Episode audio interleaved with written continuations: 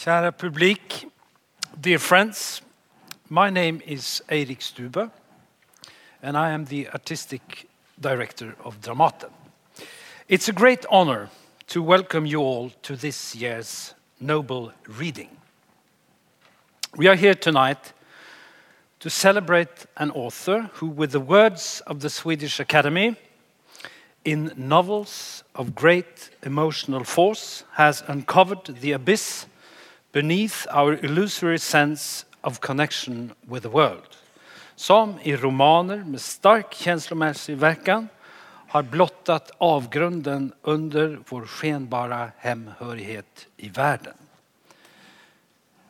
Please welcome to the stage author and playwright Sara Stridsberg, member of the Swedish Academy, Malin Ullgren, literary editor of Dagens Nyheter, and the winner of the Nobel Prize in Literature 2017, Kazuo Ishiguro.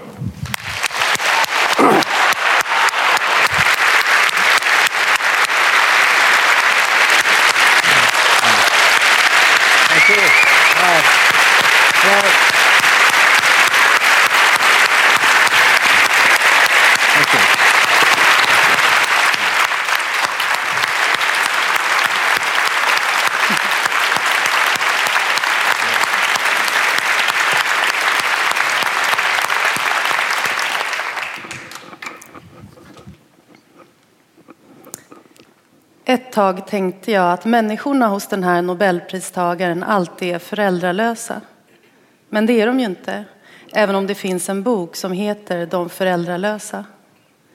Ändå är det en känsla av föräldralöshet som råder i det här författarskapet. Kanske är det frånvaron av Gud, eller frånvaron av förövare, av förklaringar, utvägar, revolutioner, himlar. Hos Ishiguro är människan bara en liten bricka och en skärva i ett stort spel som utspelar sig i fjärran. Makten opererar så tyst och vid horisonten rasar de stora krigen. Där släpps atombomberna. Där utkämpas de ideologiska och vetenskapliga striderna.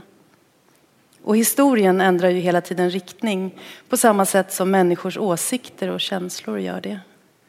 Och någonstans i denna enorma rörelse råkar man växa upp som ett föräldralöst japanskt barn eller ett skugglikt objekt i ett provrör eller som en underhuggare i ett stenhårt klassamhälle.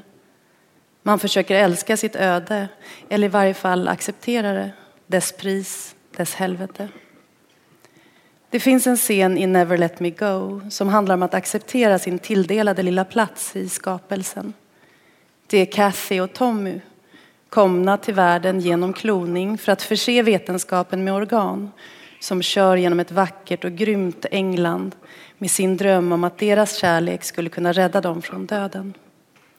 Under sin uppväxt på ett hem för klonade donationsbarn har de alltid fått göra teckningar. Nu har de fått för sig att dessa teckningar skulle kunna berätta någonting om vilka de är. Och framför allt att de på något vis skulle kunna bevisa att de är förälskade i varandra. För det finns ett rykte, en sorts saga som har börjat röra sig bland dessa människor, födda och skapta till att rädda normalbefolkningen. En saga som handlar om att man skulle kunna få uppskov från döden ett tag om man har drabbats av kärlek. En saga som liknar våra gamla sagor om gudar och himlar. Som lovar oss någonting annat än bara denna lilla plågsamma, ojämlika stund på jorden. Den sorts låtsasmänniskor eller halvmänniskor som Kathy och Tommy är, eller är skapade till att vara, är lätt att associera till andra människor som saknar beskydd. Som migranterna som rör sig hitåt och bort från krigen i Syrien och Afghanistan. De där tonårsbarnen som sitter på Medborgarplatsen och väntar på att vi ska förbarma oss över dem. Kvinnorna utanför den lokala matbutiken i smutsiga badrockar. De senare kallas ibland för tiggare, som om själva ordet skulle kunna förvandla dem till någonting annat än kvinnor och män, till främlingar. Kommer de alltid att vara främlingar? Tänk om vi drabbades av plötslig kärlek till dem och gav dem uppskov, benådade dem från deras öde som skyddslösa. I Begravd jätte den senaste boken av Ishiguro, återkommer frågan om just kärleken skulle kunna ge en människa ett särskilt uppskov. Den här gången står ett annat kärlekspar, Beatrice och Axel, vid en Hadesflod och frågar en färjekar om den, den kärlek de bevarat genom livet skulle kunna ge dem tillstånd att få vara tillsammans in i döden. Den värld som är Beatrice och Axels, 500-talets England, före nationernas uppkomst, skulle lika gärna kunna vara det förödda landskap som kommer att finnas efter vår så kallade civilisation. Ett öde land utan lagar och regler där människan är utlämnad till sin nästas barmhärtighet, utlämnad till förhoppningen att någon ska lyssna. Och om jag kunde så skulle jag berätta för er om det mirakel som sker i de här romanerna när ljuset försiktigt kastas på en liten, liten rörelse långt ner i tiden. Som till exempel en flicka som dansar med en kudde tryckt mot hjärtat, ensam i sitt rum på ett barnhem någonstans i England i en nära framtid. I Never Let Me Go. Jag skulle berätta hur detta lilla sökarljus samtidigt och explosionslikt lyser upp en fasansfull bakgrundsbild som föreställer en stor och ond och ny värld som stiger fram i fjärran. Men det kraftfält och det mäktiga bakgrundsdån som uppstår mellan den lilla flickan och de väldiga rörelserna i fonden, de kan jag inte förklara. Jag vill bara fortsätta lyssna till ljudet som uppstår. Och jag tänker på det där som Simone de Beauvoir skrev om att varje människas närvaro i världen sätter denna värld i fråga. En roman kan inte rädda någon, inte ens sin författare. Men en roman kan förändra världen för alltid för sin läsare. Förvrida blicken för oss så att vi ser andra saker än vi har gjort förut. Att vi ensamma bär våra öden, det vet vi. Men det blir en sorts påminnelse hos Ishiguro. Kathy och Tommy åker vidare genom landskapet på väg mot sin unga död för att bli vad de kom för, reservdelar åt de riktiga medborgarna. Och långsamt rors Beatrice över dödsfloden utan sin älskade. Och om historien är en gammal målning där färgerna för länge sedan har stelnat så kan en författare som Ishiguro med sina oändligt fina penseldrag få de gamla mörka oljorna att röra sig igen. Längst in i alla hans böcker brinner samma låga samma intensiva vision av mänsklig skörhet och bräcklighet. Där varje enskilt människoliv är en stilla bön och en förhoppning om nåd och beskydd. Tack.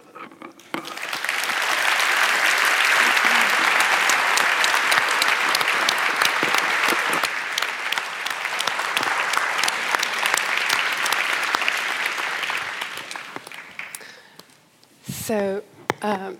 I would like to start with something that Sara Stridsberg said in her speech, uh, and I'm going to translate it for you. Uh, she said that something like a novel cannot change uh, the life of its writer, but it can change the life of its reader. Would you agree? Um, well, uh, um, first of all, I have to apologize that I have to speak in English, but uh, my, my Swedish isn't quite up to this, the standard I would like. But I'm, I'm sure you, you're all very good at English, like everybody else I've met here. Uh, but can, can the, uh, uh, the writing. Well, I, my experience is that I, I, I, I hate to disagree with uh, someone who's introduced me so eloquently, but my, I find that each book I, I write does take me somewhere else altogether. That's interesting. Yes. Um, as a writer, I think uh, I'm, a, I'm a different writer at the end of a book than I am, than I am uh, at the beginning. It's, it's very much a kind of a, a journey. And I think, Not a different person, but a different writer. Well, we all change, you know, as we get older. Mm. And it's most of us, if we spend, you know, five years working for a company or working as a policeman or a you know, a, a, a, fireman or something, it would be odd if we weren't changed by our experience. Mm. Um, and it's the same for me. I, I, it takes me a long time to choose uh, the, you know, what kind of novel I'm going to write. You know, it's, it's almost like a dating agency for me. You know, I have all these ideas, and you know, I think, oh, I, I tried that one, and um, so I don't, I don't jump into projects very easily. Um, and so when I choose a subject, I think it's something that um, that I'm very much wanting to explore in myself, both as a person and as a writer. And the, and the experience of going to this place and exploring this very carefully chosen project, something possibly that I've been slightly afraid of for some time, and I finally feel ready to do it. You know, it's often that kind of thing. At, at, the end of it, whether I feel I've succeeded or not, I do feel I'm somewhere else. Mm. And, and, and so writing is a kind of journey in that sense, I think. You, you started writing, or you, you, you seem to have decided to, to, to try to become a writer uh, quite late. I mean, you, you don't seem to have fantasized about it when you were a child. Is that right? You yeah, had other mm-hmm. plans. Well, my, my, my plans were very natural. I, like most people of my generation, I, I wanted to be a kind of rock star. Kind of Bob Dylan. Yeah, yes, yes. Like, more specifically. Like, yes, yes. Yeah. well, the problem for, about Bob Dylan for me was that he was American. I mean, mm. he was my great hero. Mm. And, uh, you know, I say I've, I've missed him by one year here. I could have met him if I'd come last year. but, oh, uh, oh, he, didn't, he didn't come, did he? No. no, no so I wouldn't have missed no. him. Any, all right, okay, I wouldn't have missed But he sent a video, I think. okay, well, I can watch that too. yeah. the, the problem for me, uh, I, yes, I, I worshipped, when I was 13, 14, 15, all the way through, through till, well, around, around now, you know, I've always worshipped a certain kind of um, musician uh, who was also literary, but also a great musician. Mm-hmm. Um, and there was a generation of those people who, who, had a big influence on me Bob Dylan, Leonard Cohen. The singer songwriters. The singer songwriters, Joni Mitchell. mm-hmm. um, and, uh, but the problem for me was that they were all North American. Mm. Okay, and uh, I didn't Weren't there any British ones? Well, there were, but uh, maybe not okay. so good.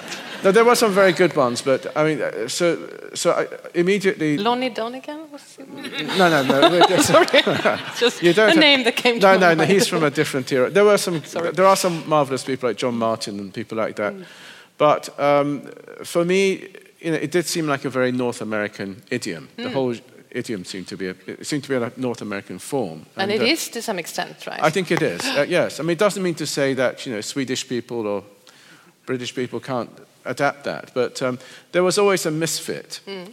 Uh, but that but that was something I passionately wanted to do. But I think at some stage in my twenties, when I was really, I should say, you know, not so young anymore, 24, 25. Um, I felt that uh, a move to writing short stories, short fiction, uh, seemed to be something that uh, belonged to me much more. You know, I could create a world that was much more personally mine rather than um, trying to do something, you know, about. I, I, I couldn't really, you know, go on writing songs about jumping on freight trains and, you know, or, or hitchhiking down Highway 51. And for me, the important thing uh, at that stage in my life, anyway, was to explore my Japanese memories. Mm. Mm. Which you did. And tonight we are going to hear readings from, from five of your novels. You've published eight books, seven of those were novels, mm. and five we're going to listen to tonight. And we're starting at the very beginning. -hmm. Uh, so let's listen to um, the very beginning of your debut from 1982 called uh, A Pale View of Hills.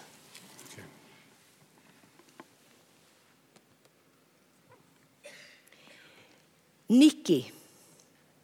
Det namn vi slutligen gav min yngsta dotter. Inte ett smeknamn, utan den kompromiss som hennes far och jag slutligen enades om. Paradoxalt nog var det han som ville ge henne ett japanskt namn, medan jag Kanske av någon självisk önskan att glömma det förflutna envisades med ett engelskt. Till slut gick han med på att döpa henne till Nicky eftersom det namnet i hans öron hade en svagt orientalisk klang. Hon var här och hälsade på mig i våras. i april, då vädret ännu var kallt och regnigt. Kanske hade hon tänkt stanna längre, jag vet inte säkert. Men hon blev så rastlös av att vara här hos mig på landet där det är så lugnt. Och det dröjde inte länge förrän jag såg att hon längtade tillbaka till sitt liv i London. Hon lyssnade otåligt på mina grammofonskivor med klassisk musik och läste en massa veckotidningar. Hennes kamrater ringde henne ideligen. Och varje gång gick hon med sin slanka figur och sina åtsittande kläder ut ur rummet och stängde noga om sig för att jag inte skulle kunna höra samtalet. Efter fem dagar for hon tillbaka. Hon nämnde inte Keiko för den andra dagen. Det var en blåsig grå morgon och vi hade dragit fram fåtöljerna till fönstret för att sitta där och se ut på regnet i trädgården. Hade du väntat dig att jag skulle komma? frågade hon. Till begravningen menar jag. Nej, det hade jag väl inte. Jag trodde inte att du skulle komma. Jag blev väldigt ledsen när jag fick höra det. Det var nära att jag kom. Jag väntade mig inte att du skulle komma. Ingen fattade vad det var med mig, sa hon. Jag berättade det inte för någon. Jag tyckte väl det var pinsamt. De skulle aldrig ha förstått. De skulle aldrig ha förstått hur jag kände. Systrar ska ju stå varandra så nära. Även om de egentligen inte tycker om varandra ska de stå varandra nära. Men så var det inte med oss. Jag kommer inte ens ihåg hur hon såg ut. Nej, det är ju ganska länge sedan du såg henne. Jag kommer bara ihåg henne som någon som alltid gjorde mig olycklig. Det är allt jag minns av henne. Men jag blev ändå ledsen när jag fick höra vad som hade hänt. Det kanske inte bara var lugnet på landsbygden som drev min dotter tillbaka till London. För även om vi aldrig talade mycket om Keikos död så kunde vi aldrig riktigt frigöra oss från ämnet. Det hängde över oss, vad vi än sa. Keiko var till skillnad från Nikki helt och hållet japanska. Något som mer än en tidning skyndade sig att nämna. Engelsmännen är så förtjusta i sin föreställning att vår ras lider av en speciell självmordsinstinkt. Som om ingen ytterligare förklaring var nödvändig. Allt de rapporterade var att hon var japanska och att hon hade hängt sig i sitt hyresrum. Samma kväll då jag stod vid fönstret och såg ut i mörkret hörde jag Nicky säga bakom mig vad tänker du på mamma? Hon satt i soffan med en pocketbok i knät. Jag tänkte på en person jag kände en gång. En kvinna. Någon du kände i, innan du kom till England. Jag kände henne när jag bodde i Nagasaki, om det är det du menar. Hon iakttog mig fortfarande, så jag tillade det var länge sedan. Långt innan jag träffade din far. Med det verkade hon nöjd. hon återgick med någon vag kommentar till sin bok. På många sätt är Nicky en tillgiven dotter. Hon hade kommit inte bara för att se hur jag tagit nyheten om Keikos död. Hon hade kommit till mig i ett mycket speciellt syfte. På de sista åren har hon nämligen börjat beundra vissa aspekter av mitt förflutna. Och nu hade hon kommit för att tala om för mig att ingenting hade förändrats. Att jag inte skulle ångra de val jag en gång gjorde. Med andra ord ville hon övertyga mig om att jag inte var ansvarig för Keikos död.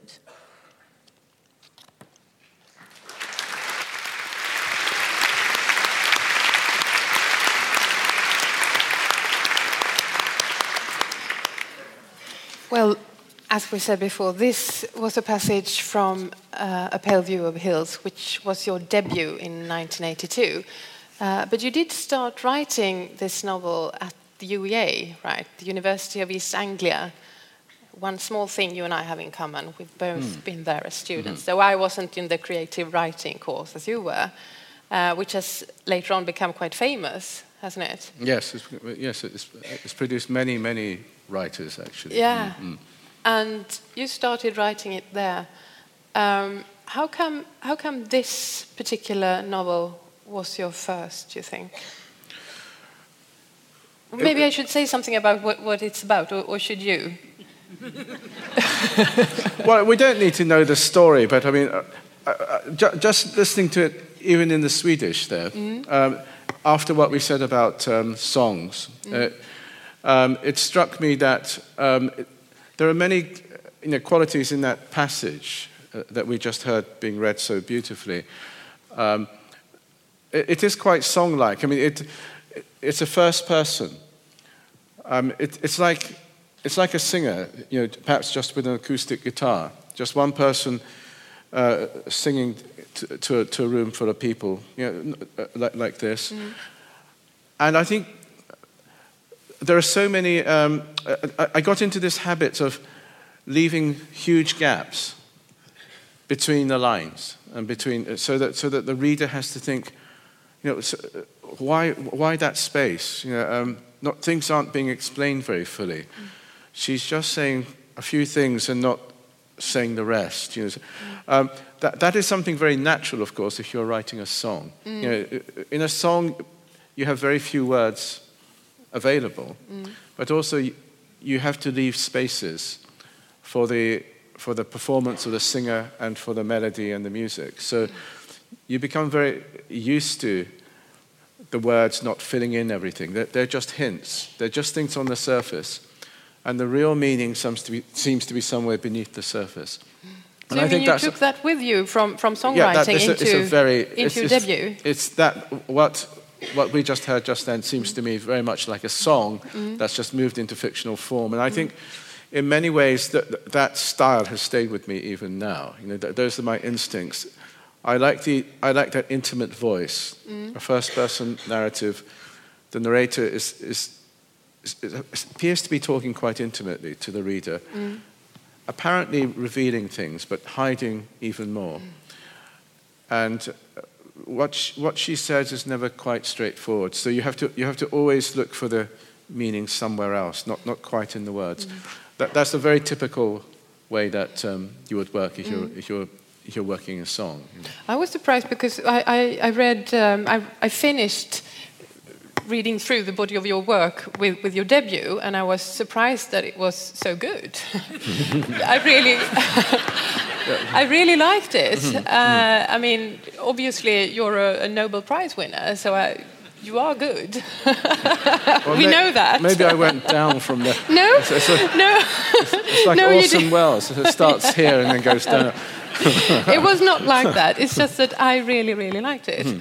Uh, and it, I mean, Japan, Nagasaki uh, are important, not themes, but um, subjects yes, in, I, in your debut. Mm. Was that necessary, you think? Did you have to go through Japan, where, the country you left when you were five, in order to, to write other things? Yes, I think the Japanese thing was very important for me at that point in my life. I think. Uh, when I was 24, 25, mm. um, and I, uh, if some of you might have been in my Nobel lecture, in which case, so I won't go through this in great detail because I talked about this in my Nobel lecture.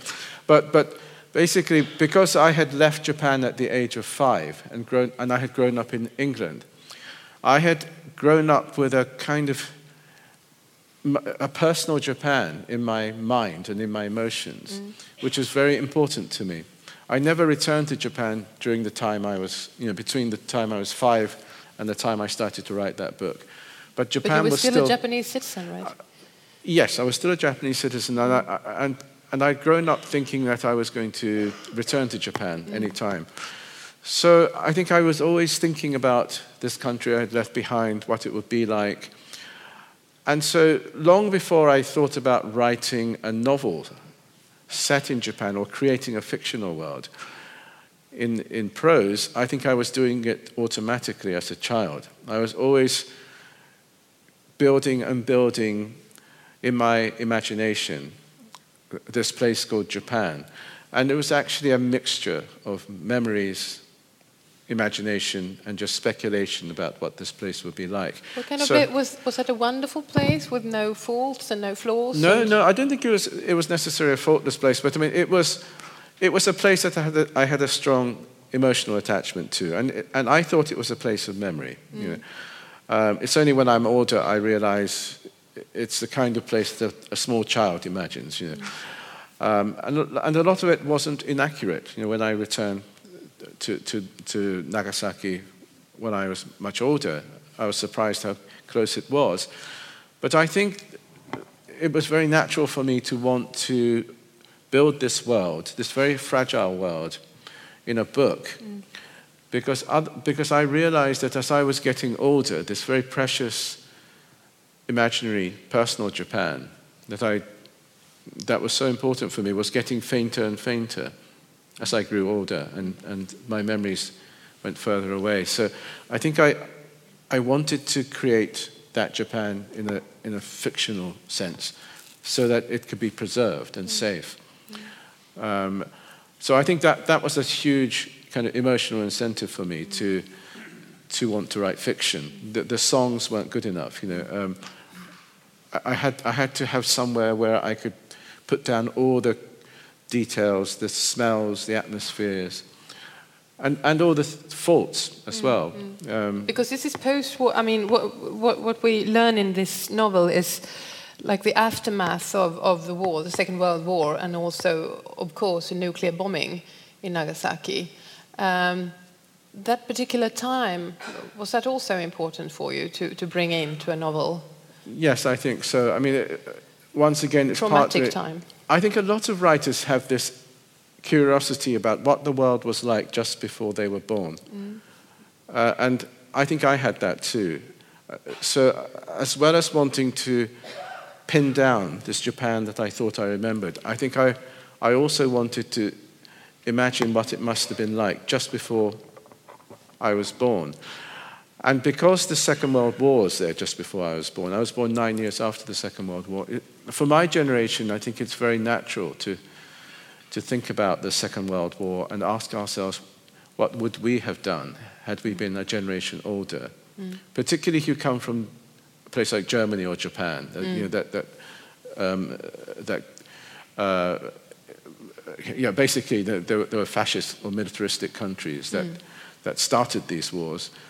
Um, it was natural for people of my generation, as we were growing up, to ask, would we have had the strength of character, the, the, the moral ability, would we have had the perspective mm.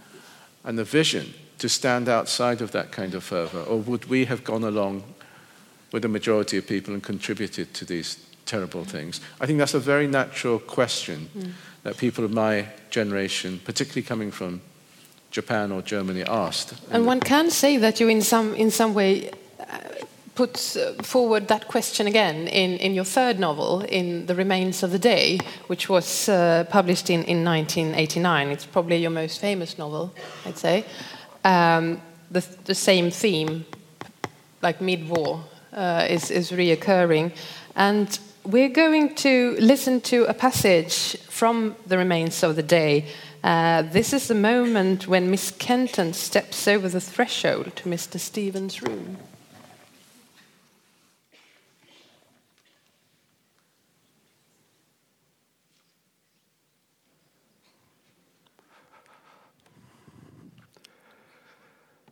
När jag har tänkt igenom saken på sista tiden verkar det möjligt att den egendomliga händelsen den kväll Miss Kenton kom in i mitt rum oinbjuden kan ha blivit en eh, viktig vändpunkt. Butlerns arbetsrum är så vitt på mig ankommer ett mycket viktigt kontor. Centrum för husets administration. Inte helt olikt en generals högkvarter under en strid. Och det är därför eh, ytterst viktigt att allt ligger i ordning.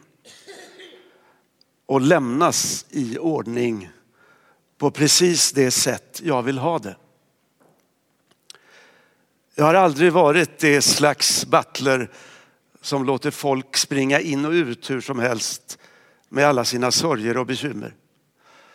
Om huset ska kunna skötas på ett smidigt och samordnat sätt är det ju helt uppenbart att butlerns arbetsrum måste vara det enda ställe i huset där avskildhet och tystnad alltid råder.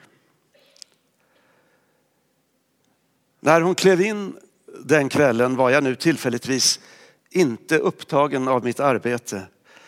Det vill säga att detta var fram emot kvällen och jag hade avnjutit någon sällsynt timme av ledighet. Som jag sa är jag osäker på om Miss Kenton kom med sin blomvas. Men jag minns helt klart att hon sa det här rummet ser ännu mer ogästvänligt ut på kvällen än det gör på dagen. Den där glödlampan måste vara för svag för att läsa vid. Den räcker fullkomligt, Miss Kenton. Men tack för omtanken. Men det här rummet ser ut som en fängelsecell, Mr Stevens. Om det stod en smal säng i hörnet skulle man kunna tro att det här var ett ställe där en dödsdömd tillbringade sina sista dagar. Jag kanske svarade någonting på det, men det minns jag inte. Jag lyfte i alla fall inte blicken från min läsning och det gick några minuter medan jag väntade på att Miss Kenton skulle ursäkta sig och gå. Men sedan hörde jag henne säga jag undrar just vad det är ni läser, Mr Stevens. Bara en bok, Miss Kenton. Jag ser det. Men vilken bok? Det är det jag är intresserad av. Jag lyfte på huvudet och såg henne komma mot mig. Jag slog igen boken, tryckte den mot bröstet och reste mig. Jag måste be er respektera mitt privatliv, Miss Kenton. Men varför är ni så rädd för att visa vad ni läser? Det är nästan så att jag tror att det är någonting riktigt skamligt. Det är helt uteslutet att någonting skamligt, som ni uttrycker det, skulle förekomma i hans nåds bibliotek. Jag har hört sägas att det finns skamliga passager i många lärda bokverk. Men jag har aldrig vågat titta efter. Var snäll och låt mig se vad ni läser, Mr Stevens. Jag måste be er lämna mig i fred nu, Miss Kenton. Jag förstår bara inte hur ni kan envisas med att störa mig på det här sättet under de stackars minuter jag lyckas få för mig själv. Men Miss Kenton kom ännu närmare. Och jag måste erkänna att det var lite svårt för mig att avgöra vilka åtgärder jag skulle vidta. Jag ville helst kasta ned boken i skrivbordslådan och låsa den. Men eh, det verkade löjligt dramatiskt. Jag tog ett par steg bakåt med boken fortfarande tryckt mot bröstet. Var snäll och visa mig boken, sa Miss Kenton och kom ännu närmare. Så ska jag ge er läsrosen. Vad i hela världen kan det vara som ni är så rädd för att visa? Det har ingen som helst betydelse för, för mig om ni avslöjar titeln på den här boken eller inte, Miss Kenton. Det här är en principsak. Jag uppskattar inte att ni tränger er på så här när jag råkar ha en liten stund för mig själv. Jag undrar ändå om den där boken verkligen är respektabel. Eller om ni bara försöker skydda mig från att bli chockerad. Sedan stod hon alldeles framför mig och atmosfären i rummet förändrades på ett egendomligt sätt. Nästan som om vi plötsligt hade kastats ut på ett helt annat medvetandeplan. Jag, jag kan tyvärr inte riktigt beskriva vad jag menar. Det enda jag kan säga är att allting omkring oss plötsligt stillnade. Jag fick intrycket av att Miss Kenton också genomgick en plötslig förändring. Hon såg egendomligt allvarlig ut. Och det slog mig att hon nästan verkade skrämd. Var snäll och låt mig se boken, Mr Stevens. Hon sträckte fram handen och började mjukt lirka boken ur mitt grepp. Jag ansåg det bäst att vända bort blicken medan hon gjorde det. Men eftersom hon stod så nära intill mig kunde jag bara göra det genom att vrida huvudet åt sidan i en något onaturlig vinkel. Miss Kenton fortsatte mycket försiktigt att vrida loss boken, bokstavligt talat med ett finger i taget. Proceduren verkade ta lång tid, fast jag lyckades bibehålla min värdighet under tiden tills jag till sist hörde henne säga men snälla Mr Stevens, det här var väl inte så farligt? Bara en vanlig sentimental kärlekshistoria.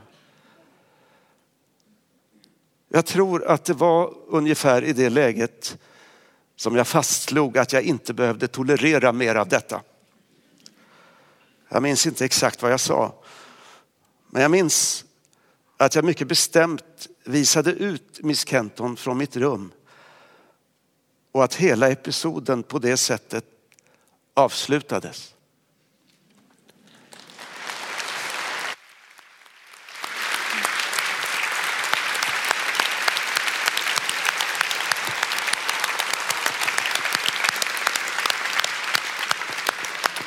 Did you understand where we were in the novel? Yes, yes, of course. I mean, that, that's, that, that's called the Sopranos. But some people call it the Sopranos passage.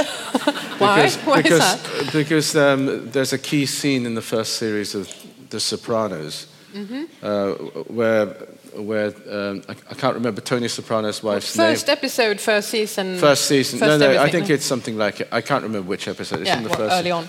Um, there's quite a famous moment when um, Tony Soprano's wife is thinking of having an affair with the priest. Mm-hmm. And there's quite a long scene when they sit together and watch the movie version of that scene on, on, on the video. The priest brings, he says he's brought um, a video of The Remains of the Day, which was then a very well known film at that time. And, the, and, and they sit there and watch this scene together and they're kind of getting close. It, it, it's quite a well known scene. So, Yeah, so- are smitten by the by the tension between Yes, and, and, and, and, the, and and they switch between showing Anthony Hopkins and Emma Thompson, and then you see, um, Carmela and the Ca- yes, priest. Carmela's her name, yeah, and the priest. Um, and That's it's, it's quite a well-known uh, moment in The Sopranos, and so I always think of that as a, as a Sopranos scene. but it's marvelous to hear, hear the Swedish version, the soprano scene. It is, isn't it? The soprano scene. That's what we've heard. Uh, Stevens. Many of you, I think, have, have seen the movie as well. Uh, an unforgettable uh, role played by, um, by, as you said, uh, Anthony Hopkins.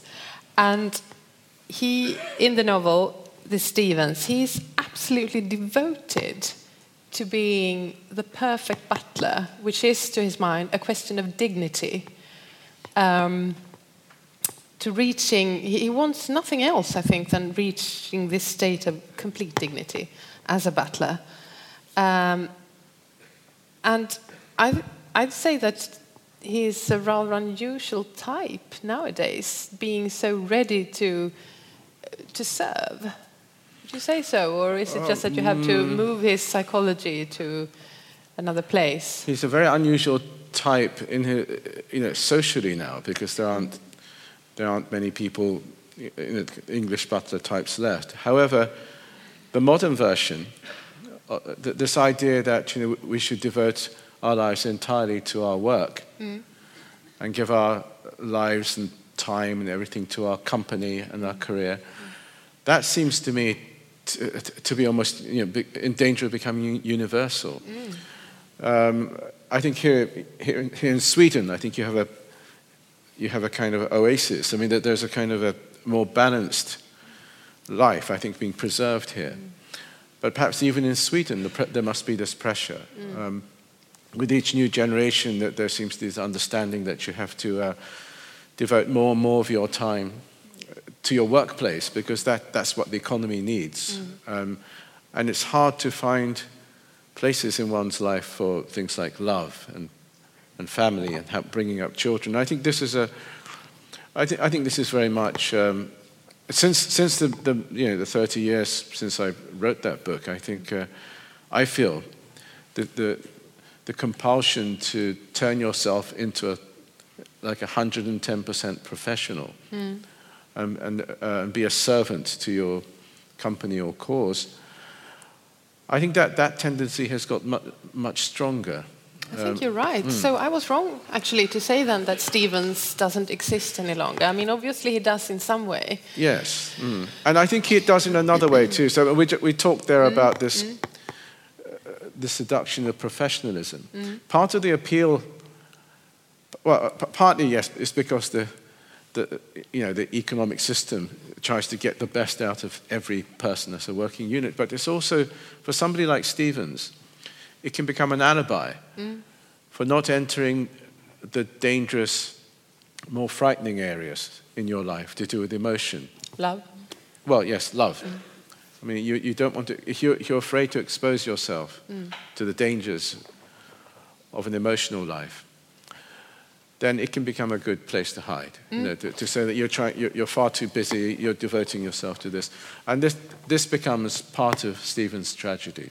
It does. It certainly does. And I mean, you have answered my question, my forthcoming question already in some ways. But as a reader, it's really frustrating to see how he avoids Miss Kenton. And he has so many chances, not that many, but he has, he has a few, which would have been probably life altering had he stepped over her threshold at, at one occasion, for example. Um, why did you have to let it be like that? why couldn't they have one another? Yes, um, uh, people do ask this from time to time. I can imagine.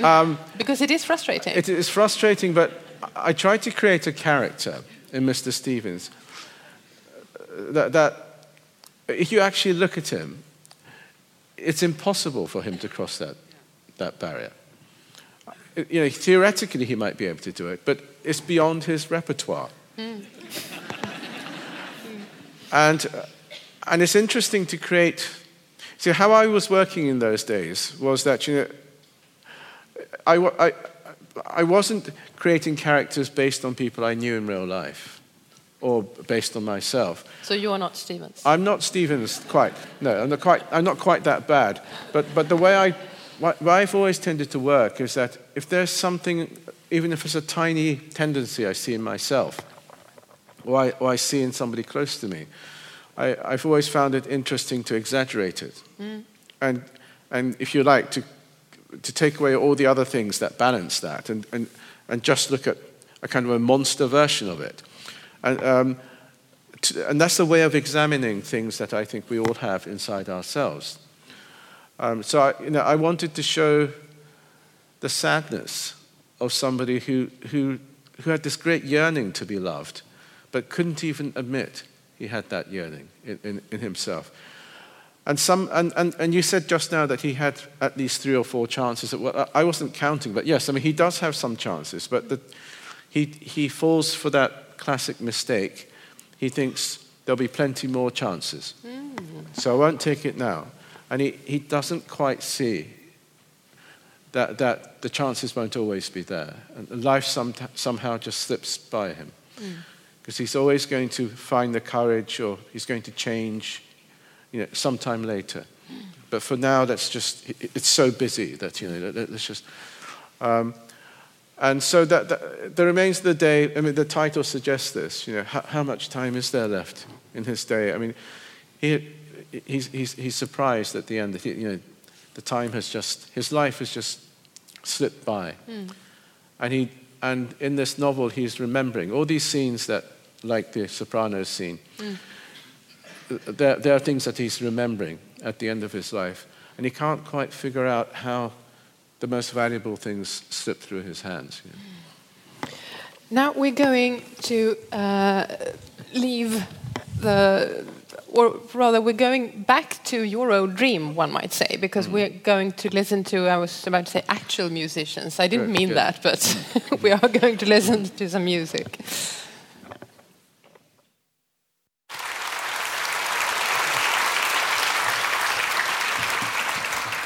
Your head against my shoulder, you fall asleep again.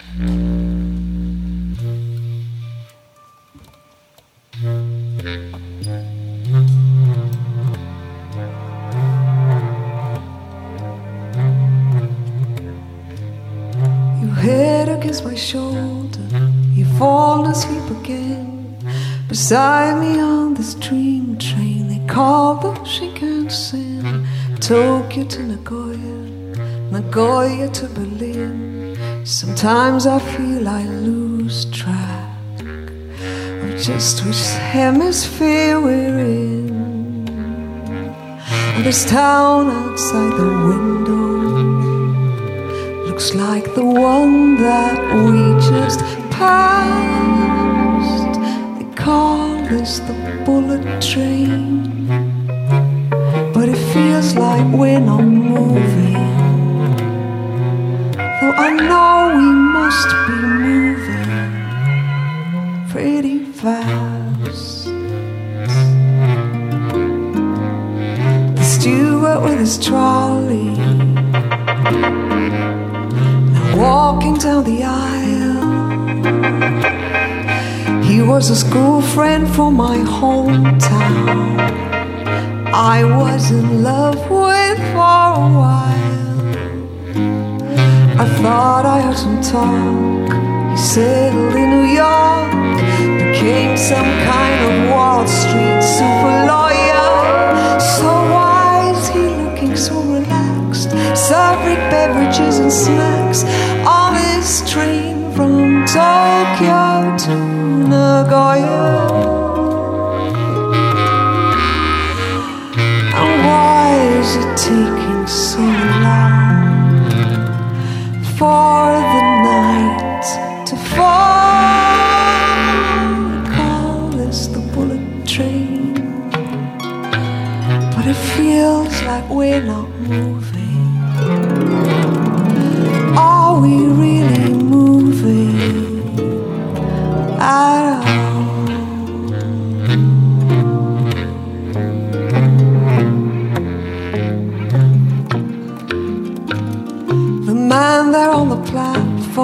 Town we just came through looked exactly like the teacher from way back in senior school.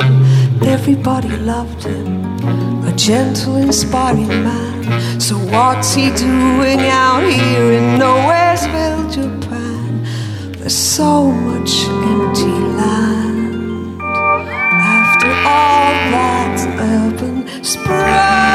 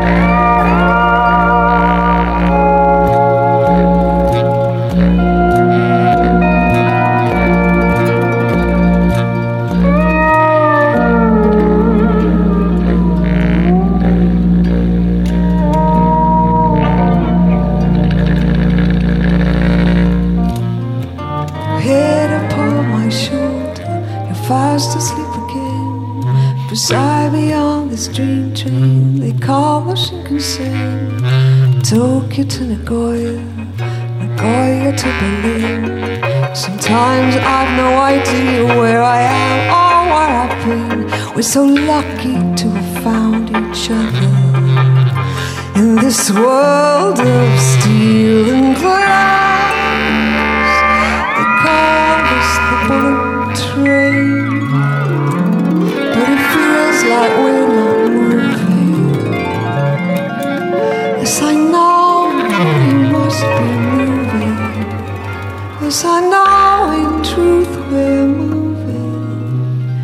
Way too fast.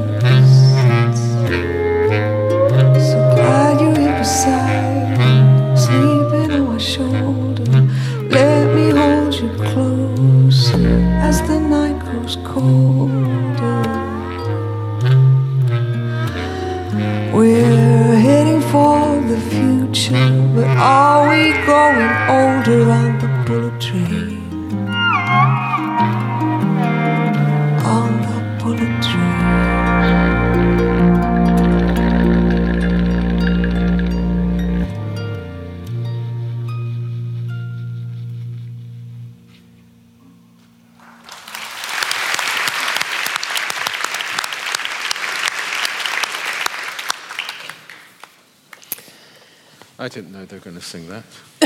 you didn't? No. It's yours.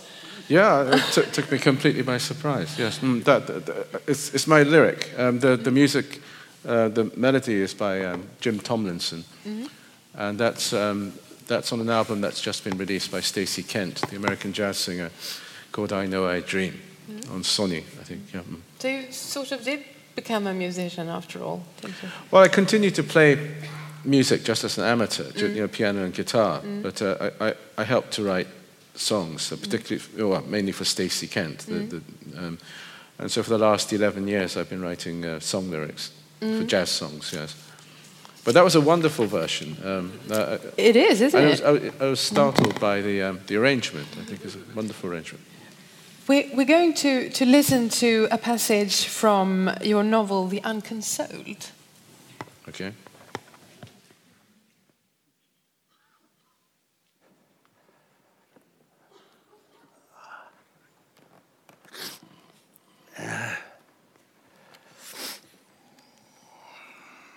Ja, jag hade inte sovit länge när det ringde tätt intill mitt öra. Jag lät flera signaler gå fram. Och till slut satte jag mig upp i sängen och tog luren. Ah, Mr Ryder. Det är jag, sir. Hoffman. Hoffman. Hotelldirektören. Jag väntade på att han skulle förklara varför han störde mig, men han sa ingenting. Det var pinsamt tyst en stund. Så sa han igen. Det är jag, sir. Hoffman. Jag är här nere i lobbyn. Jaha, Förlåt mig, Mr Ryder. Ni kanske höll på med något? Ja, jag försökte bara sova lite. Ehm, jag menade bara att jag låg och vilade. Naturligtvis tänkte jag inte gå till sängs utan, utan förrän, förrän dagens program var avslutat. Självklart inte. Ni hämtar så att säga bara andan. Mycket förståndigt, sir. Jag kommer i alla fall att sitta här nere i lobbyn och vänta på er. Säkert hade jag inte sovit mer än några minuter och det var frestande att strunta i alltihop och lägga sig och sova igen. Men till slut insåg jag att det var omöjligt och jag, ja, jag reste mig för att gå ner. Jag upptäckte att jag hade somnat i morgonrocken. Jag skulle just ta av mig den och, och klä på mig. Då jag kom på idén att behålla morgonrocken på. Så här dags på natten var det i alla fall inte särskilt troligt att jag skulle träffa på någon annan än, än Hoffman och Portier. Och dessutom var det ett sätt att finkänsligt men bestämt betona att det var sent och att han hindrade mig från att sova. Jag gick ut i korridoren och letade mig ganska irriterad bort till hissen. Och morgonrocken den verkade ha önskad effekt, åtminstone i början. För när jag kom ner i lobbyn mötte Hoffman mig med orden. Jag är ledsen att jag störde er vila, Mr Ryder. Det måste vara tröttsamt för er med allt resande. Nej, det är absolut ingen fara, eh, Mr Hoffman. Men jag hoppas att det här inte tar för lång tid. Jag är faktiskt ganska trött. Oh, det här tar inte alls lång tid. Så bra. Jag lade märke till att Hoffman var klädd i frack med gördel och fluga. Ni har förstås hört den tråkiga nyheten. Den tråkiga nyheten. Ja, det är lite tråkigt. Men låt mig genast säga att jag är säker på att det inte kommer att få några allvarliga följder, sir. Innan kvällen är slut är ni nog lika övertygad om den saken som jag. Ja, det är jag säkert. Förlåt mig, Mr Hoffman, men vilka tråkiga nyheter är det ni talar om? Det har hänt så mycket tråkigt på senaste tiden. Så mycket tråkigt. Jag menar eh, striderna i Afrika och så vidare. Det är, det är ju bara tråkiga nyheter överallt. Ja, jaha. Nej, jag talade förstås om den tråkiga nyheten med Mr Brodskis hund. Jaså, ja. Mr Brodskis hund. Ja, ni håller väl med om att det är mycket olyckligt? Att det skulle inträffa just nu? Man är så försiktig. Så försiktig och så inträffar någonting sånt. Men säg mig nu, Mr Ryder, är allting till full belåtenhet? Eh, Ja, absolut. Det är alldeles utmärkt. Tack, tack. Tycker ni om ert eh, rum? Eh, Ja, ja, det gör jag verkligen.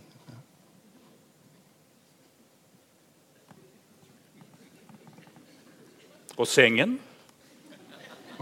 Är den bekväm? Mycket bekväm. Vi sätter nämligen en ära i att ha bra sängar och byter regelbundet madrasserna. Inget annat hotell i hela stan byter madrasser lika ofta som vi. Det vet jag med säkerhet. Kan ni tänka er, Mr Ryder, att om man radade upp alla de madrasser som vi förbrukar under en femårsperiod och placerade dem ut med huvudgatan skulle det bli så många att man fick börja vid Stadshuset och fortsätta förbi fontänen. Runt hörnet av Sterngasse och ända ner till Mr Winklers apotek.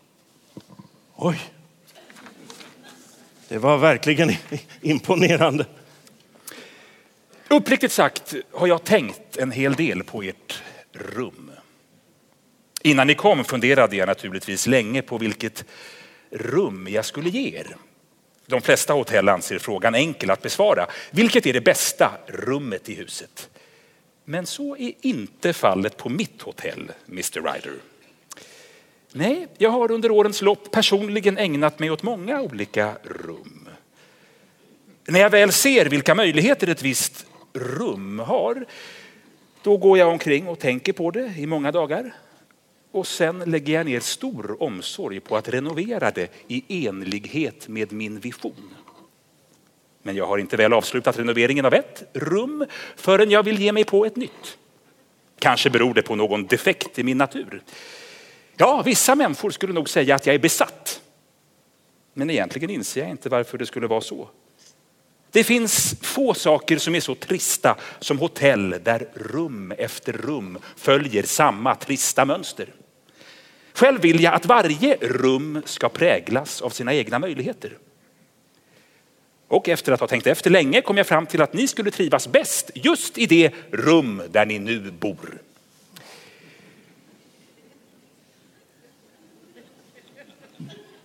Men nu när jag har träffat er så är jag däremot inte längre så säker på det. Ja, Mr Hoffman, det, det, det rum jag har nu, det, det är alldeles utmärkt. Jag har funderat fram och tillbaka hela dagen sedan vi träffades, sir. Det tycks mig som om ni temperamentsmässigt sett är bättre lämpad för ett annat rum som jag har i tankarna. Kanske får jag visa det för er imorgon bitti. Jag är säker på att ni skulle trivas bättre där. Ja, nej, nej, absolut inte, Mr Hoffman. Mitt rum... Jag talar om rum nummer 343. Som stämmer mycket bättre överens med er personlighet. Ett rum där ni kan känna att ni sover mycket lugnare och mycket bättre. Och det rum som ni bor i nu. Ja, jag har tänkt på det av och till hela dagen. Jag har god lust att göra om det från grunden. Men Mr Hoffman, det får ni inte göra. Jag menar förstås Bara att ni inte ska göra er så mycket besvär för min skull. Det är lika mycket för min egen sinnesfrid, det kan jag försäkra er Mr Ryder. Hotellet är mitt livsverk. Det där rummet blev alldeles fel. Jag måste göra om det helt och hållet. Faktum är, Mr Hoffman, att jag tycker mycket, oerhört mycket om det. Jag trivs verkligen där. Det var ett grymt slag av ödet, Mr Ryder. Den där hunden. Ja, den var inte ung, men den kunde mycket väl ha levt två, tre år till. Och alla förberedelser hade ju gått så bra. Det var verkligen en olämplig tidpunkt. Men jag är lugn. Ja, jag är lugn.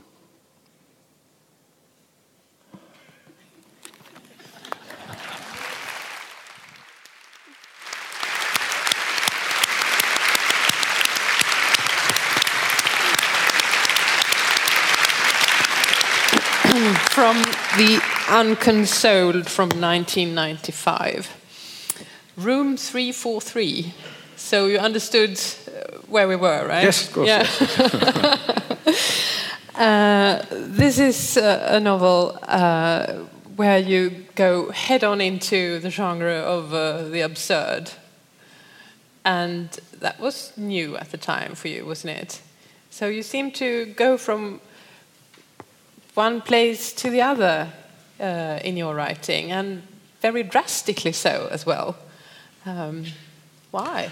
Well, I touched on this at the beginning. You know, I, I, I was saying, um, you know, I, I suppose in response to, to what you know, Sarah said about you know, whether the writing of a book. I mean, it's, it's, it's a very interesting question. I've been thinking about it even while we've been sitting here. You know, how does the writing of a book you know, change the person writing it? And uh, um, for me, to, you know, when I finish a book, sometimes I feel I would like to do it again. You know, um, I can see all the things that were inadequate about the book, and so um, I write the book again, um, but a better version of it. And I think I did that for the first three books.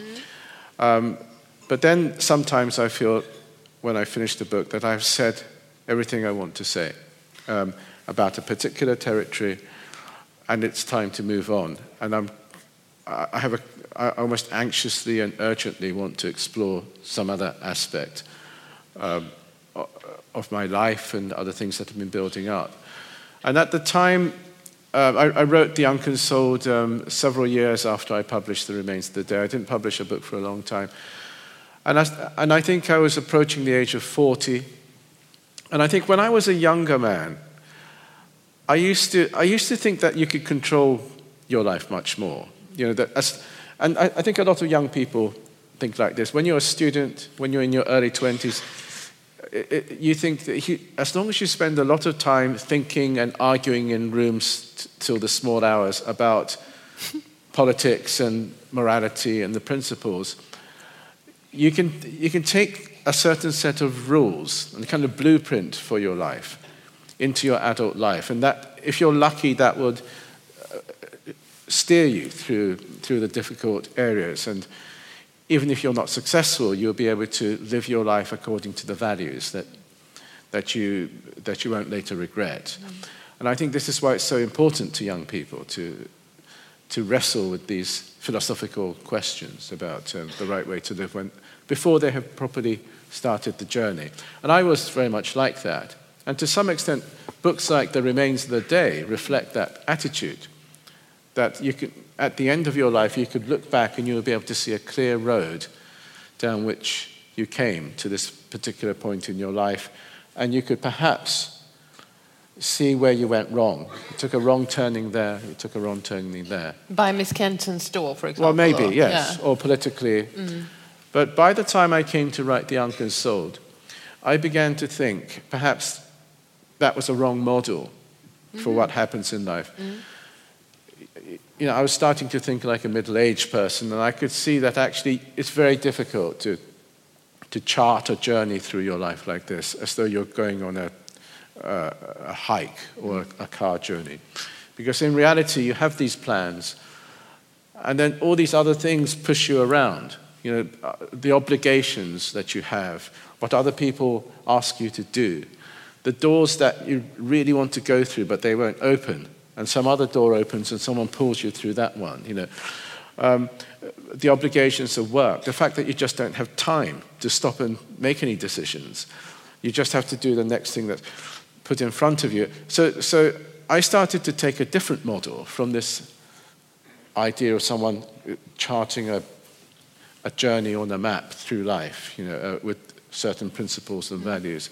I started to think that a lot of us are, are just picked up by a kind of a wind, and we're just dumped down somewhere, and we, we, we, we look around us, and then we try and dignify where we have landed by saying, uh, yes, I'm very pleased that uh, I've taken this job and I'm living in this town. And That's exactly what I wanted to do, and it fits with you know, what I believe in. And I like these people uh, who are my friends. And You get yourself a rational for exactly, for and you living the life dignify yourself, and, and you try and create a sense of meaning um, from where the wind has dropped you, but then it picks you up again and moves you on. And so I, I wanted to write in a way that expressed this, this view of you know, you're just not in control. You know, other people are just pushing you this way, pushing you that way. And uh, so I, I came up with this long, strange book. It, wasn't, a, it wasn't a, a literary decision to enter the world of surrealism or the mm. absurd. It was a reflection of how I felt as I got older that it's much, much harder to control your life because of all the expectations and obligations and just, just the way luck and misfortune and, fort- and good fortune influences what, what you do. Um, and so at the heart of that story, I, I, I had the idea of a, a man who is, who is rather like me now in Stockholm. I, you know, someone arrives in the town.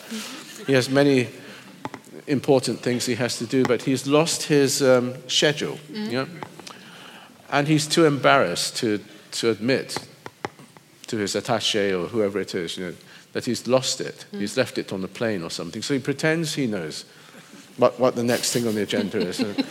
um, but but he, he's got no idea. And this makes him very vulnerable to anybody who comes up to him and, and, and says, Of course, I mean, we're expecting you to come over here and do this.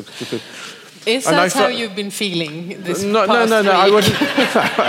I wouldn't want to draw too much of a. I don't think this was a prophetic uh, dream of my coming here. No, and, and my my stay in Stockholm, I should emphasise, has been beautifully controlled and beautifully arranged. And um, And you have stayed in the same hotel room the whole time. yes, yes, no one has asked me to to move to a much more beautiful. No, no, nothing like this. No, it's been splendid here. Uh, but but um, As a metaphor. but, but as a metaphor, I think that this is kind of what I was looking for. I, I, I wanted to express perhaps how, how life is for, for many of us. We, we thought, we know somewhere somebody gave us our program, you know, our schedule, but we've lost it, and it's terribly embarrassing to admit that you've lost it. So we had to pretend that we know it. And, uh, and uh, we, we just, yes, we end up in situations like this. We don't quite, quite know where we're going. And, but, I, but I think there's something, still there's something to be, there's something funny about it, but there's a heroism about someone who tries to just blunder through life like that too. It is. I think many of us, that, that is the reality of how we go through life. I, it's, it's really interesting that you bring the idea of fate, sort of, or, or mm. how, how, how little we decide for ourselves up. Uh, because now we're going to, to listen to the opening of the novel Never Let Me Go, which was published in 2005. There's a lot of fate, a lot of not deciding for yourself in that novel.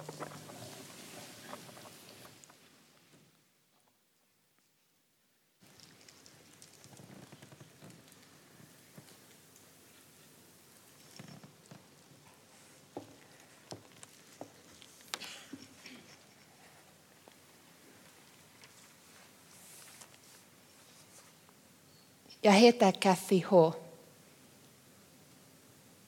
Jag är 31 år gammal och jag har arbetat som vårdare i snart 11 år nu. Det låter länge nog, det vet jag. Men de vill faktiskt att jag ska fortsätta i nästan åtta månader till. Då blir det nästan precis 12 år. Att jag har varit vårdare så länge beror absolut inte på att min insats skulle ha varit fantastisk. Det finns en del väldigt bra vårdare som har blivit ombedda att sluta efter bara två eller tre år. Och jag vet åtminstone en vårdare som höll på så länge som 14 år, trots att det var totalt misslyckat. Så jag försöker inte skryta. Men jag vet att de faktiskt har varit nöjda med mitt arbete och i stort sett har jag också varit det. Det har visat sig att mina donatorer alltid lyckats bättre än förväntat. De har alltid tillfrisknat imponerande snabbt och knappast någon har fått beteckningen orolig ens inför den fjärde donationen. Okej, nu skryter jag kanske. Men det betyder mycket för mig att kunna utföra mitt arbete väl, särskilt när det gäller att hålla donatorerna lugna. Jag har utvecklat ett slags instinkt för donatorer. Jag vet när jag ska stanna och trösta och när jag vet när jag ska låta dem vara i fred. När jag ska lyssna på allt de har att säga och när jag bara ska rycka på axlarna och gå min väg. Jag vill i alla fall inte komma med anspråk för min egen del. Jag känner till vårdare som är aktiva nu och som är precis lika duktiga men inte får hälften så mycket erkänsla. Om ni tillhör dem förstår jag att ni kan känna er harmsna över min enrummare, min bil och framför allt över att jag får välja vilka jag vill ta hand om.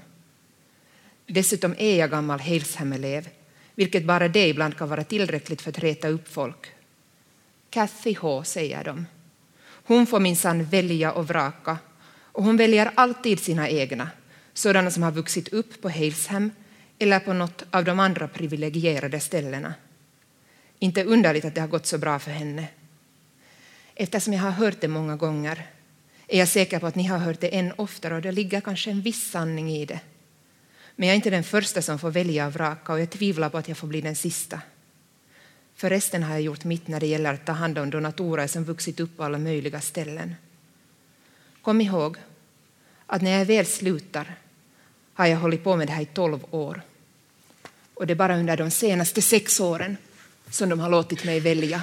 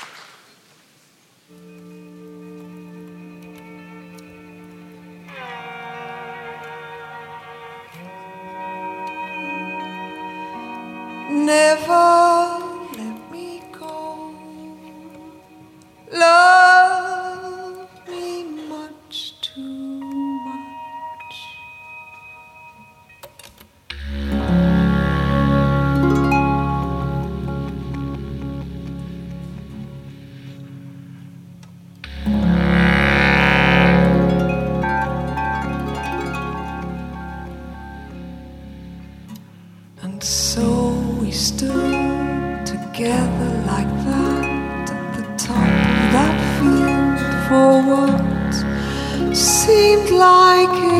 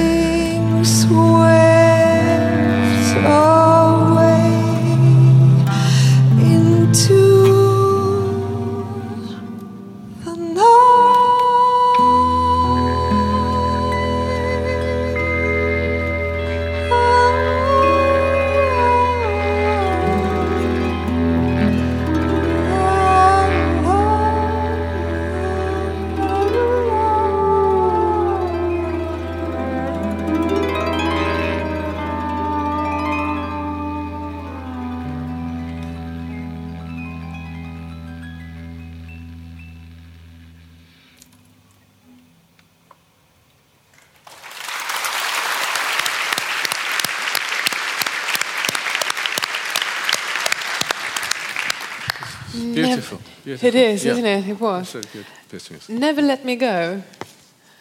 Um, turn this upside down, I think. uh, the title of the novel that we heard just before Rebecka Törnqvist was singing.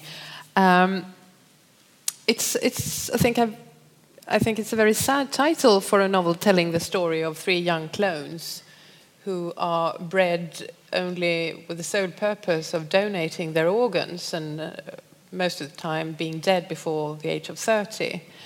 Um, so in this novel, you go to yet another genre, I might say, uh, from the absurd to, to sort of science fiction or but then it's not the genre that is the important thing, is it? It was a subject matter that you wanted to explore. Yeah, I mean, we, we can talk. I- I'll just talk in a minute about Never Let Me Go, but yeah, I mean, you brought up this question of genre um, a couple of times now, and um, I have to say, I'm not, I'm not that aware when I'm writing of which genre I'm in. You know, I don't, I don't actually really sit down and say, oh, now I'd like to try a thriller, or now I'd like to try science fiction. Um, I'm, I, I, I always start with a fairly abstract idea. In fact, for Never Let Me Go, the abstract idea I started off with was rather like what you just said. You know, what, what would it be like if um, th- there were some young people who'd, who'd been created simply to donate their organs, and that's all they, they, they knew about life. And they didn't even protest or think this, there was anything wrong with this. That's what they understood life to be. Um, what would become important to them? What would love be like for them? What would parting and saying goodbye to each other, what would that be like? You know? Um, and I thought, well, it, it perhaps it wouldn't be very different to, to what life is like for most of us. It's just that it'll be concertinaed and concentrated. So it was a way of looking at us, all of us, you know, the fact that we all have to face mortality and a limited human lifespan. And so, how do we find meaning and love, you know, against this, this sad and terrifying knowledge that our time is very limited? You know? um, so that, that was the project. Now, I often start with something like that. I don't know which period of ti in, in, in time I'll set it. I don't know which country I'll set it in. I don't even know what genre I'm going to set it in. I, I just try desperately hard to, to make a story that, that works. And I, I wrote this story, I started this story twice before in the 1990s. And I just couldn't get beyond a certain point, And I just abandoned it and wrote what was the something else. difficulty? I, I, could never, I could never find some vital ingredient that would make this story work. I, right, so we, ha- yeah, we had this idea I just told you about. You, you, but I didn't, it wasn't, I didn't have the idea of the clones. I thought, what, what, it would be, what would it be like to look at a group of young people whose lives had been suddenly restricted so that they become old people by the time they're 30? They, go- you know, they go through the youth, middle age, and old age, except in 30 years. And for a long time, I was experimenting with stories where they came across nuclear materials or some kind of virus um, restricted their lives. It, it was never very convincing, and I, I, I would abandon the project and write a different novel. Um, and it was only you know, in the late 90s that um, it occurred to me that I could actually use a kind of science fiction idea. And I think, particularly for my generation, um, you know, science fiction, certainly in, in England, was considered to be a, a, a strange kind of um, a sect-like genre, you know, occupied by slightly nerdy, strange people who wore strange clothes. And, uh, and, and respectable literary novelists didn't really dabble in it. Over the last 20 years, I think there's been a huge change of attitude yeah, yeah. about science fiction as a genre. And looking at the writers just younger than me uh, uh, who, who used it very freely, people like David Mitchell, um, and my friend, um, novelist and screenwriter Alex Garland, who actually uh, wrote the screenplay for the film version of Never Let Me Go. This generation of younger writers who are, who are 15 years or so younger than me, I, I noticed how freely they used science fiction ideas. And I thought, oh, uh, I could do that too. I was, I was almost given free, permission to do so, you know. and, and so I was able to write Never Let Me Go with this um, science fiction type idea of, of clones. But it, for me, I'm just trying to get my story to work. Um, I don't care where I steal things from or you know, which genre it looks like. I'm not aware of what the thing looks like. I'm, I'm like somebody trying to build a flying machine in the, you know, in the early days of aviation. You know, and, and, and putting wings on a bicycle and things like this, and it won't fly. So, you know, I, I'll steal some gardening tool from the next door neighbor and fit it on. And, um, and finally, you know, all I care about is, is this thing going to fly? And, that, and if it finally flies, I'm triumphant, you know. And then other people look at this strange thing flying in the air and they say, that, oh, that looks like a bicycle with wings, or that looks like a motorized bird, or um, uh, that's up to them. You know, I, I'm just a desperate person, just trying to get something that will fly. That's, Yeah. that's how I feel like every time I'm, I'm writing a book. Completely desperate. I, I don't think about the genre. you No, know, mm. no. I just steal anything mm. from anywhere and, uh, to, to, to make this thing work. Because mm. I'm, I'm always convinced that it's just not going to work, and years and years of work would mm. just come to nothing. But it, it does seem to work over and over again, doesn't it? Well, I, I don't know if it does. I mean, I, yes, I mean, sometimes it does, sometimes it doesn't. I mean, it's. You said The Remains of the Day was my most famous novel. I think possibly most parts of the world, Never Let Me Go is now my most famous novel. That, that, um, that's the novel that young people Exactly. I read, noticed and that's that my largest selling book. But I have to say, as a writer, as a novelist, you, um, you have a, you know, I know that I'm trying to do certain things. I'm aiming for certain things, and only I know secretly, uh, you know, to what extent I've succeeded in certain targets and certain ambitions, and where I've had to compromise. And, yes, Will you tell us how, in, in what, uh, how much you well, succeeded well, with no, no, well, no, like I, I, 80% I don't know. success? No, I, I, I don't know. I don't have a clear percentage, but you say it usually works. Uh, Sometimes it works, sometimes it doesn't. I mean, um, if, it's probably like this with, with many people in the arts. I mean, you, you, there's the outside world's idea of, you know, what is a successful book, um, which books win awards, which books sell in a huge numbers. Got this little golden pin there. Yes, with okay. Alfred Nobel. Yeah. yes, yes. No, I'm, I'm- I'm always very, you know, it, it's, it's, it's an incredible honor to. I, and now, you know, I think I, I probably won the highest award it's possible to win. You know. But all the time, as a novelist, um, I have a very lonely set of cri- you know, criteria about success and failure. And I think that's correct. I think um, if you're trying to be a serious writer, of course, you know, you're grateful for the acclaim, and, and often I, I, I pretend that um, when people say, yes, I think you were trying to do this, and you do it magnificently, I say, yes, yes, of course, that's exactly what I intended. but, but it's always important to remember uh, uh, secretly inside you know, what it is you're trying to do, how short you've fallen, to what extent you've succeeded. So you've got to be honest with yourself. It's a And sort I of artistic integrity, isn't it? Or, Well, as I say, I mean, uh, there's a certain loneliness about success and failure in those terms, because only you can really know, and only you can be satisfied or not satisfied. I mean, there are, uh, there are some things that I, I'm very pleased about, and no, nobody else is particularly pleased about it. I mean, it goes that way, uh, uh, that What- way what- too. For example, what? Well, I mean, I, I I like that novel, The Unconsoled, uh, Yeah? but it's my least popular book. You know, uh, uh, I know people, uh, even some of my friends, have, have emailed me to say I was trying to read that book of yours and I, I couldn't get past, you know, page, page 60. I threw it across the room at the wall, very angry. Can you take such criticism? Uh, well, it, it, yeah, um, that, that's okay with me. I mean, it's partly because The Unconsoled is the kind of book it is. It's a, ki- uh, you know, it, it's, it's almost designed to throw across the room. It's heavy as well.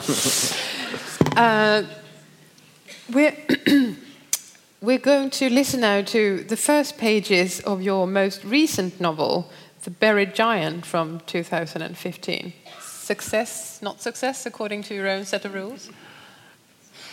That's too. That, that's not fair because it's a very recent book, and, and I, I like to delude myself that you know I, I've done well with books that I've recently finished, and then as the years go by, I, I start to think, well, I could have done that better, and that wasn't quite what I wanted to do. But um, the buried giant is, um, uh, yes, in terms of you know fulfilling the goals I, I set out to fulfill, it, it, it, it's it's it's close. I am not saying it's a good book. I but, think it is. but uh, you know, if, it, if it's not that, if, it, if it's not an entirely satisfactory book to people, that, that's, that's probably more to do with the way I conceived it and what I aimed to do rather than a failure of execution. But um, I, I, I, Okay, yeah. I don't know. I mean, I, it was, going back to once again what Sara said, I mean, it was a very, I, f- I feel very satisfied with that book because it's, it's more or less the journey I wanted to make. Let's listen to the first two pages Mm, okay. from The Buried Giant.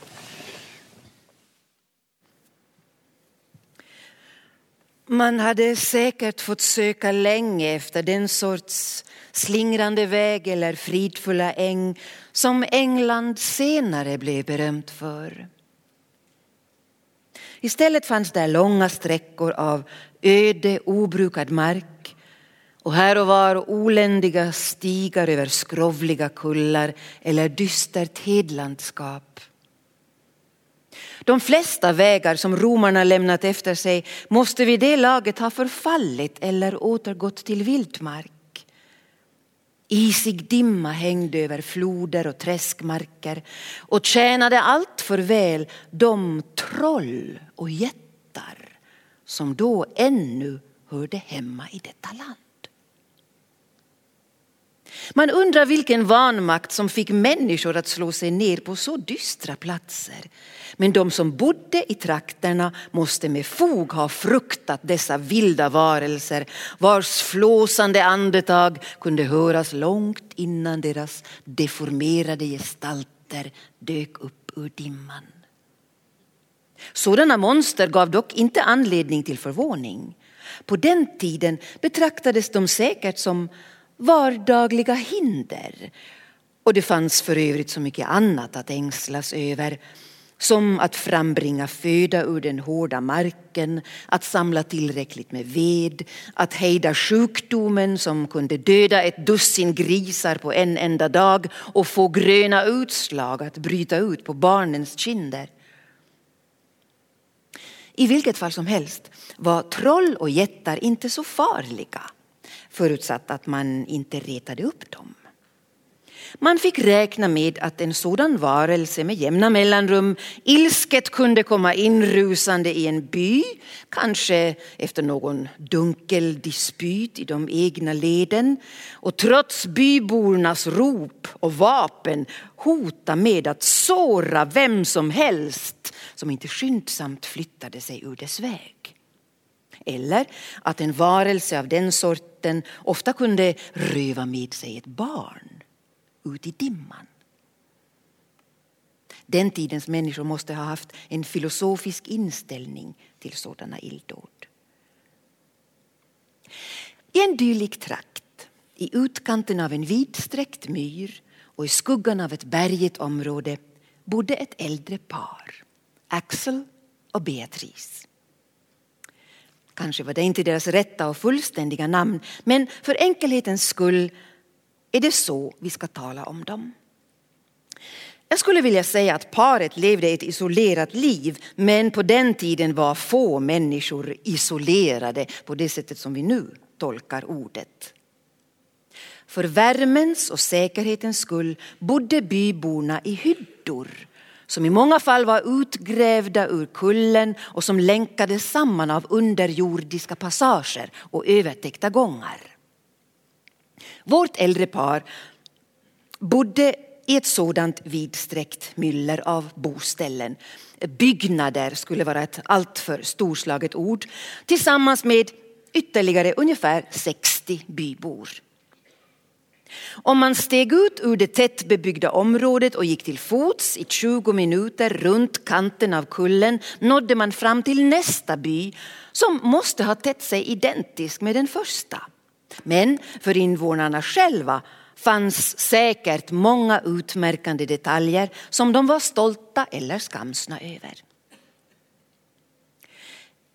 Jag önskar inte ge ut intrycket att eh, detta endast att det endast var detta som utgjorde England på den tiden. Att vi under en era då storartade civilisationer blomstrade på andra håll i världen inte utvecklats särskilt långt bortom järnåldern. Om man fritt kunnat ströva genom landet då skulle man säkert ha upptäckt slott där det fanns musik, god mat och framstående idrottsmän eller kloster med spränglärda munkar. Men det går inte att komma ifrån att man till och med på en bra häst eller vid gott väder kunde rida i dagar utan att se något slott eller något kloster skymta fram genom grönskan. I första hand skulle man ha funnit samhällen som det jag just beskrivit. Och om man inte hade med sig gåvor i form av mat eller kläder eller var tungt beväpnad kunde man inte räkna med att bli välkomnad. Jag beklagar att behöva måla upp en sådan bild av vårt land vid den tiden. Men så var det.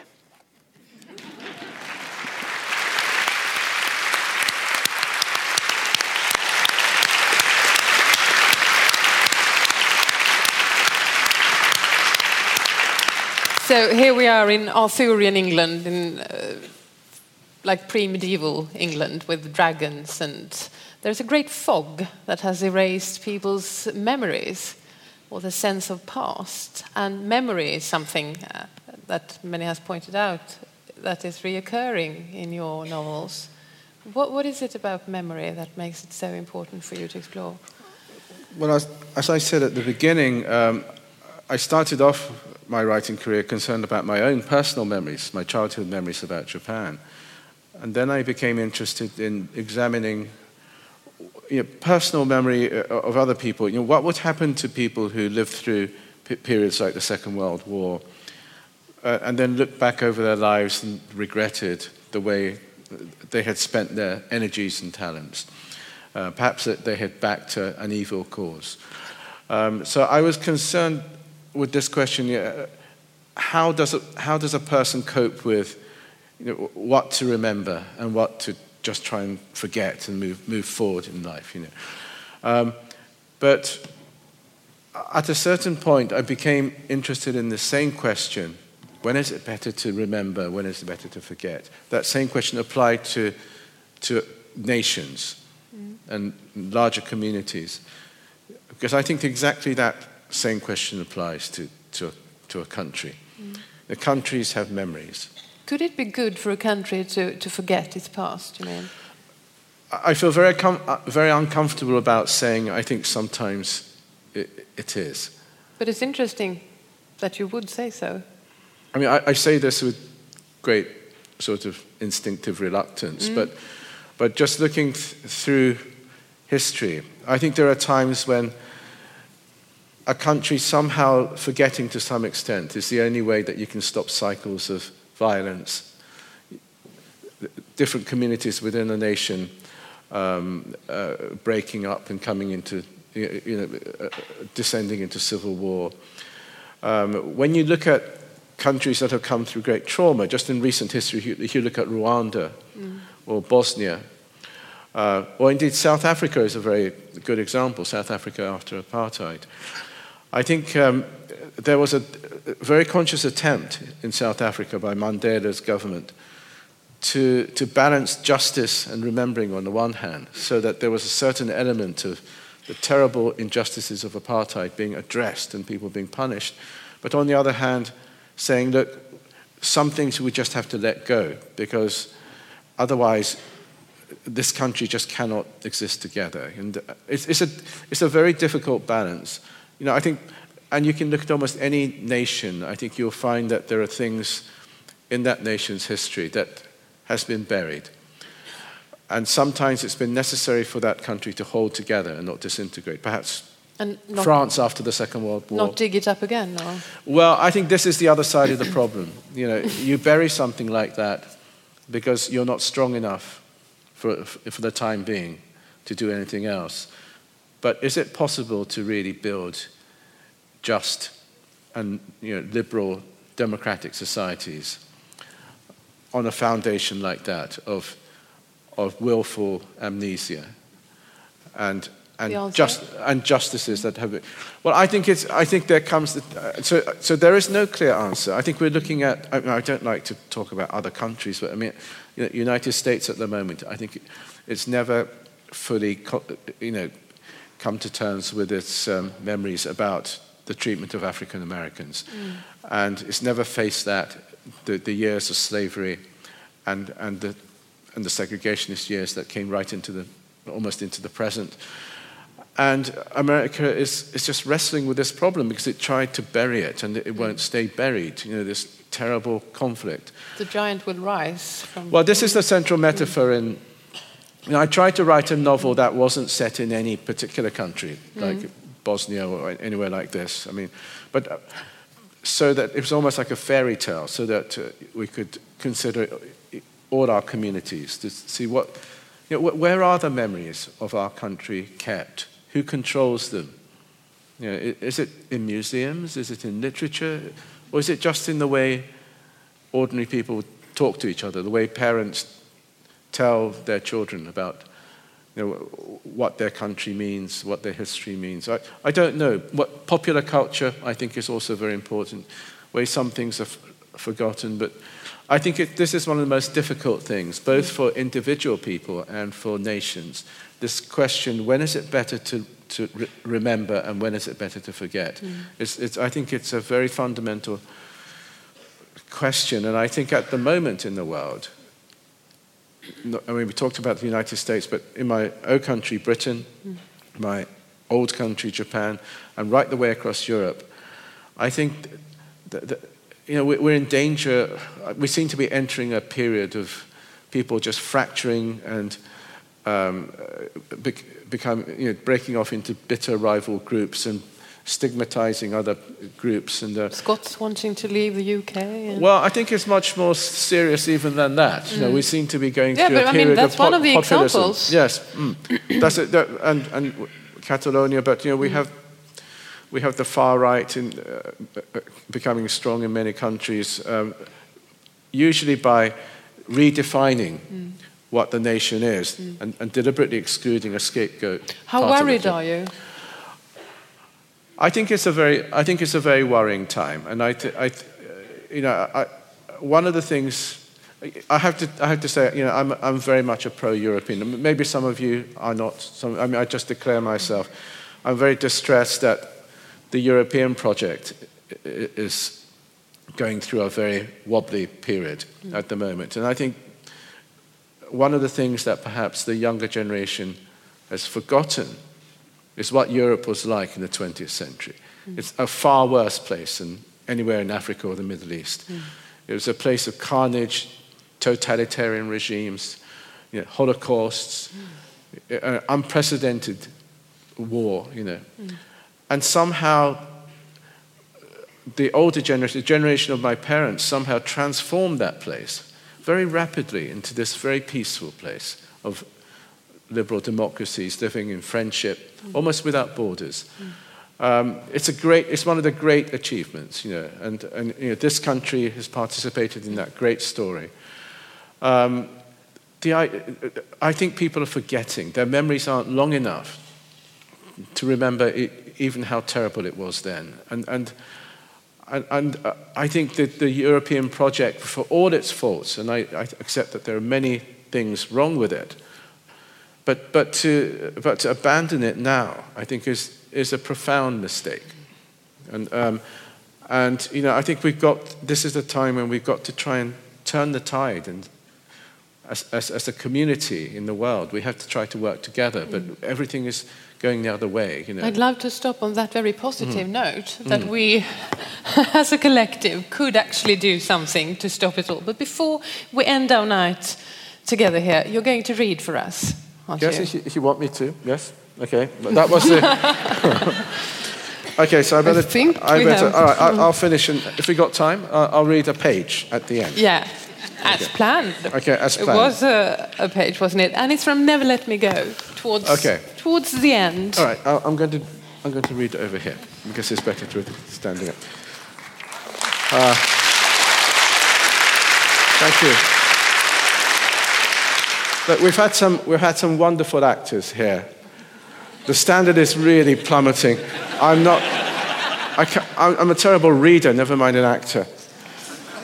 And I might. I mean, we decided we wouldn't talk too much about the Nobel Prize because that was too obvious, um, and we haven't really said anything about it. So I feel bad about that too. I have to say, it's, it's an incredible honor for me to come to Sweden and to get this, you know, this wonderful prize. And one of the reasons it's wonderful is because I think it, it exemplifies what we were just talking about. It, it exemplifies mankind coming together and striving for things together. You know, and I think it's, it's much more than a, a prize for physics, a prize for medicine, and so on, you know, and the prize for literature and all those things. It's, it, it symbolizes something very, very important in what we have to do as a, as a world community. So thank you.